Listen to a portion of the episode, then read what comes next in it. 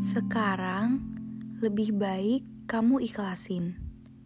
Aku yakin setelah mengikhlaskan, pasti akan ada kedamaian hati.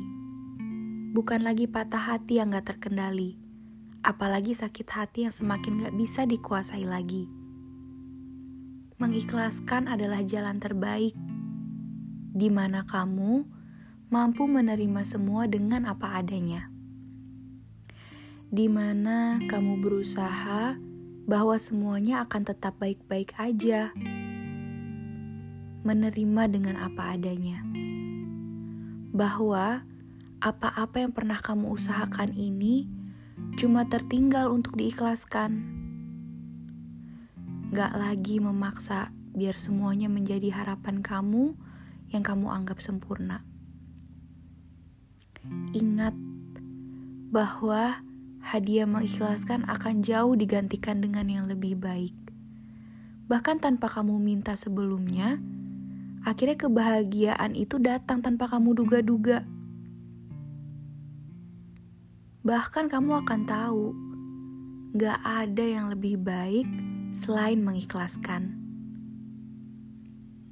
Karena dia mengikhlaskan adalah bagian tertinggi perkara mencintai juga bagian paling tinggi buat mencintai ikhlas dengan sepenuh hati. Gak ada yang sia-sia, karena mengikhlaskan akan membuat kamu jadi belajar. Gak lagi menuruti inginnya hati.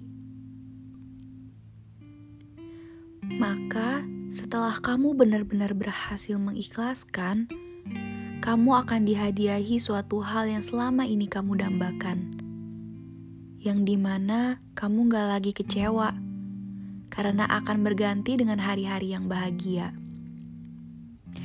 Seseorang datang dengan tegas yang akan menjadikan kamu sebagai pendamping hidupnya untuk menemani seperjalanan langkahnya.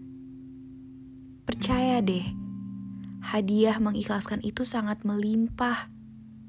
Bahkan kamu gak akan percaya air matamu akan jatuh karena terkagum-kagum.